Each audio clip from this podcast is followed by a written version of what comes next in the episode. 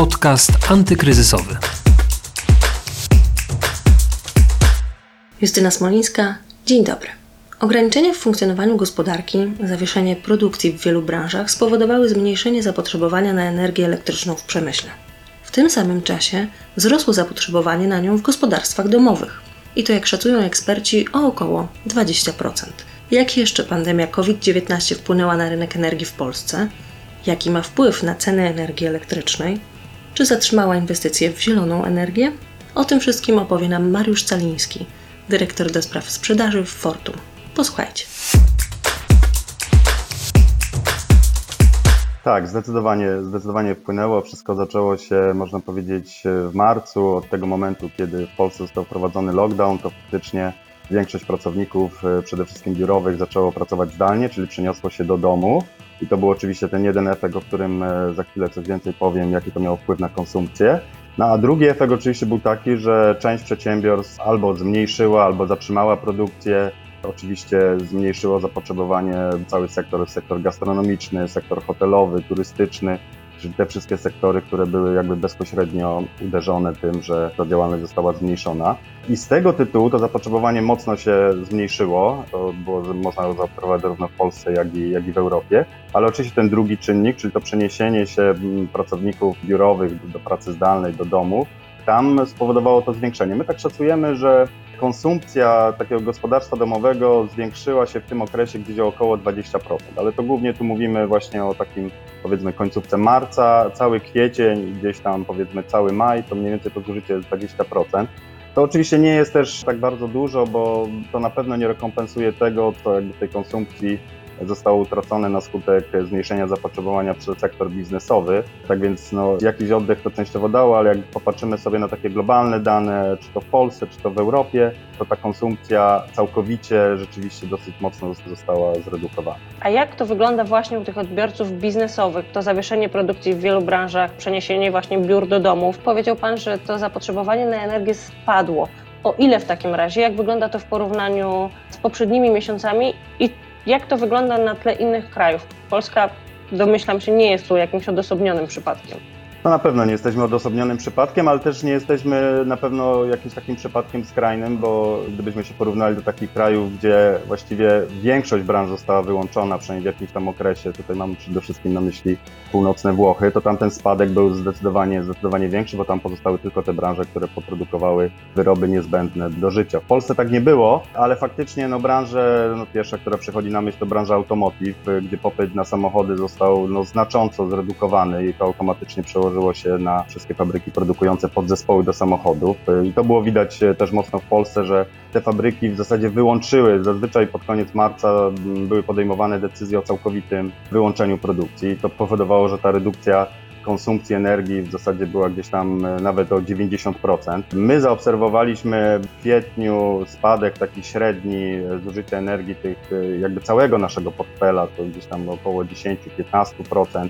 W maju to było nadal tam w okolicach 10%, no i w czerwcu już tutaj wracamy do jakichś takich poziomów kilkuprocentowych. Tak więc wciąż jesteśmy mm, na poziomie konsumpcji znacznie mniejszym w porównaniu e, z latami ubiegłymi, ale widać, że ta konsumpcja powoli, krok po kroku się odbudowuje. W, oczywiście równolegle z tym, w jaki sposób poszczególne branże się otwierają. Również branża automotive, w większości tych fabryk, e, które tutaj funkcjonują w Polsce, one one z powrotem, z powrotem zaczęły pracować, ale nie zaczęły też pracować na takich pełnych obrotach, jak to miało miejsce w latach ubiegłych, więc wciąż można zaobserwować, że, że ta konsumpcja jest mniejsza niż to było w latach ubiegłych. A jak jeszcze ta epidemia wpłynęła na rynek energii?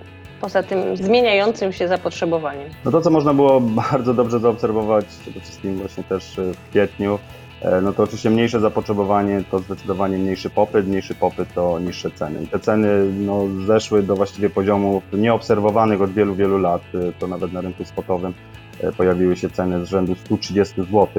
No dzisiaj to jest 230 zł na przykład na rynku spotowym. Także no ogromna, ogromna różnica. Bardzo drastycznie ceny spadły.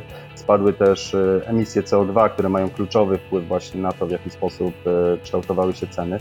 Te emisje CO2 też w pewnym momencie tam gdzieś obsunęły się poniżej 20 euro. Dzisiaj to jest 28 euro. To też chcę tutaj pokazać, że że to był taki mocny dołek. Ta pandemia mocno uderzyła faktycznie w kwietniu, w maju, ale dzisiaj jakby te wszystkie tendencje pokazują, że zaczyna być widoczne odbicie, bo to zarówno dotyczy właśnie cen e, na rynku, jak i, jak i również tych instrumentów, które, które mają bezpośredni, bezpośredni wpływ na ceny. Już wiemy, że ceny energii od czasie pandemii spadły, ale jak to się odbiło na dla przeciętnego odbiorcy, dla konsumenta takiego indywidualnego? Rynek energii, tak jak dzisiaj on funkcjonuje, to większość gospodarstw domowych kupuje energię po cenie stałej, tak? czyli podpisuje kontrakt z ceną, która jest obowiązująca co najmniej przez rok, czasami przez dwa lata, trzy lata czy cztery lata.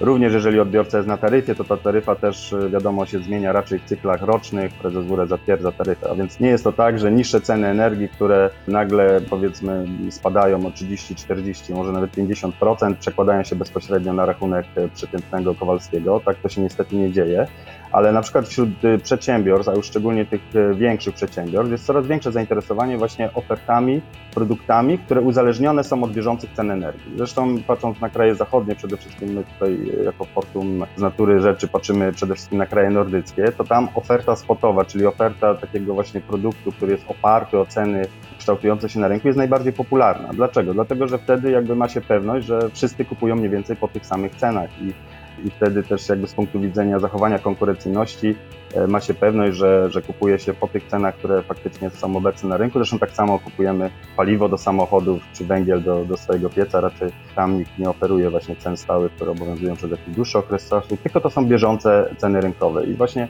i oczywiście spadające ceny przyspieszają rozwój takich produktów, bo wtedy bardziej świadomi odbiorcy widzą, że rynek na skutek mniejszego popytu oferuje niższe ceny i wtedy coraz więcej odbiorców decyduje się na to, żeby faktycznie kupić energię po cenach bieżących, po cenach rynkowych, po to, żeby zawsze mieć odzwierciedlenie tego, co się dzieje na rynku. Te oferty są coraz, coraz bardziej popularne i myślę, że e, sytuacje, gdzie te wahania cen są właśnie tak duże, to zdecydowanie sprzyjają rozwojowi tego typu ofert to w takim razie ta epidemia może być jakimś impulsem do zmian na rynku energii? Ten szczególny okres w jakiś sposób zmieni trwale branżę? Myślę, że tak, że generalnie taka tendencja do tego, żeby na rynku jakby coraz więcej ofert było po cenie zmiennej, po cenie rynkowej, Czyli tak de facto mówię, to nie jest nic nadzwyczajnego, bo jak popatrzymy na każdy inny rynek, tam się de facto zazwyczaj kupuje po cenie bieżącej, rynkowej, ewentualnie jakiś tam jeden miesiąc do przodu, a nie na 3-4 lata do przodu.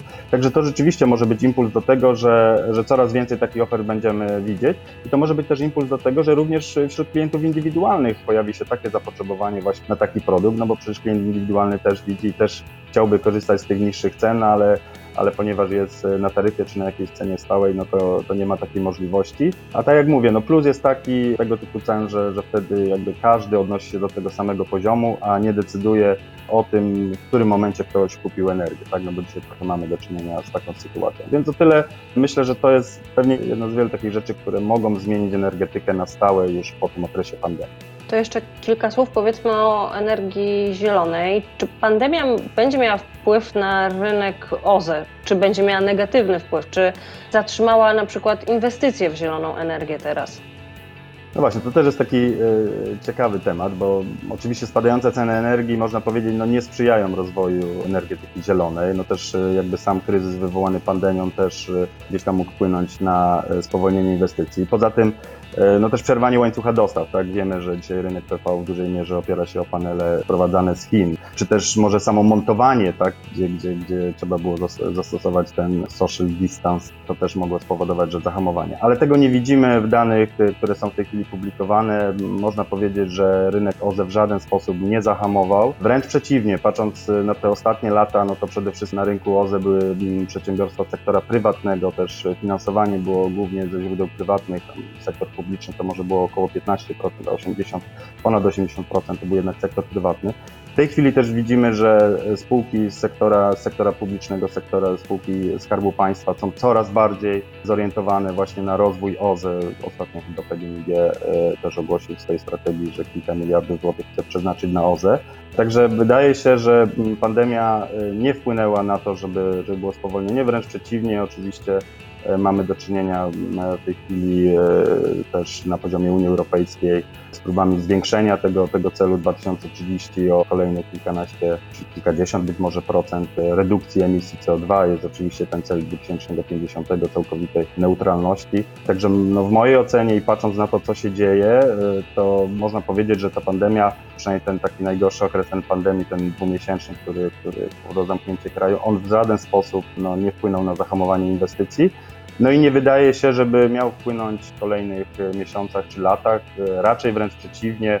E, Zresztą niedawno został e, opublikowany też nowy dokument legislacyjny dotyczący wsparcia, wsparcia farm wiatrowych na, na morzu, tych farm offshore i tam się mówi o 6 gigawatów mocy, co tak naprawdę oznacza podwojenie w stosunku do tej mocy farm wiatrowych na lądzie, które, które dzisiaj są. Także kierunek jest raczej jasny i widać, że również rząd jest zainteresowany tym, żeby zwiększać udział OZE w całym miksie energetycznym. No tak, ale mówi Pan, że większość tych inwestycji w zieloną energię to są też inwestycje indywidualne, inwestycje prywatne. Czy nie jest trochę tak, że te niższe ceny energii spowodują, że trochę się od tej zielonej energii odwrócimy, bo ona jest dla nas teraz na przykład mniej opłacalna, że te inwestycje są na tyle kosztowne, że sobie pomyślimy po prostu, że na razie nie jest to dla nas żadna oszczędność i nie musimy jej wprowadzać, skoro na przykład ceny energii elektrycznej są tak niskie, jakie mamy teraz. To są dwa aspekty. Po, po pierwsze jest tak, że z roku na rok e, ceny inwestycji w odnawialne źródła energii spadają. Przede wszystkim to właśnie widać na, e, na przykładzie paneli fotowoltaicznych. E, Pomiędzy 2019 a 2018 spadek cen paneli to był rzędu 25%, nawet o 1 czwartą spadły ceny, więc widać, że ta inwestycja z roku na rok jest coraz niższa.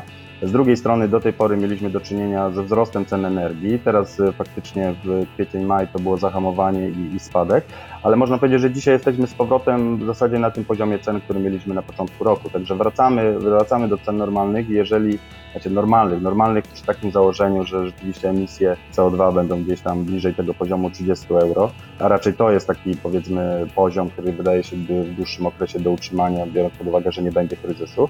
No więc w takich warunkach cenowych, tych, y, już przy tych odbudowanych cenach, absolutnie ta opłacalność z roku na rok y, się zwiększa i wydaje mi się, że będzie coraz większe zainteresowanie właśnie do tego, żeby inwestować w te panele.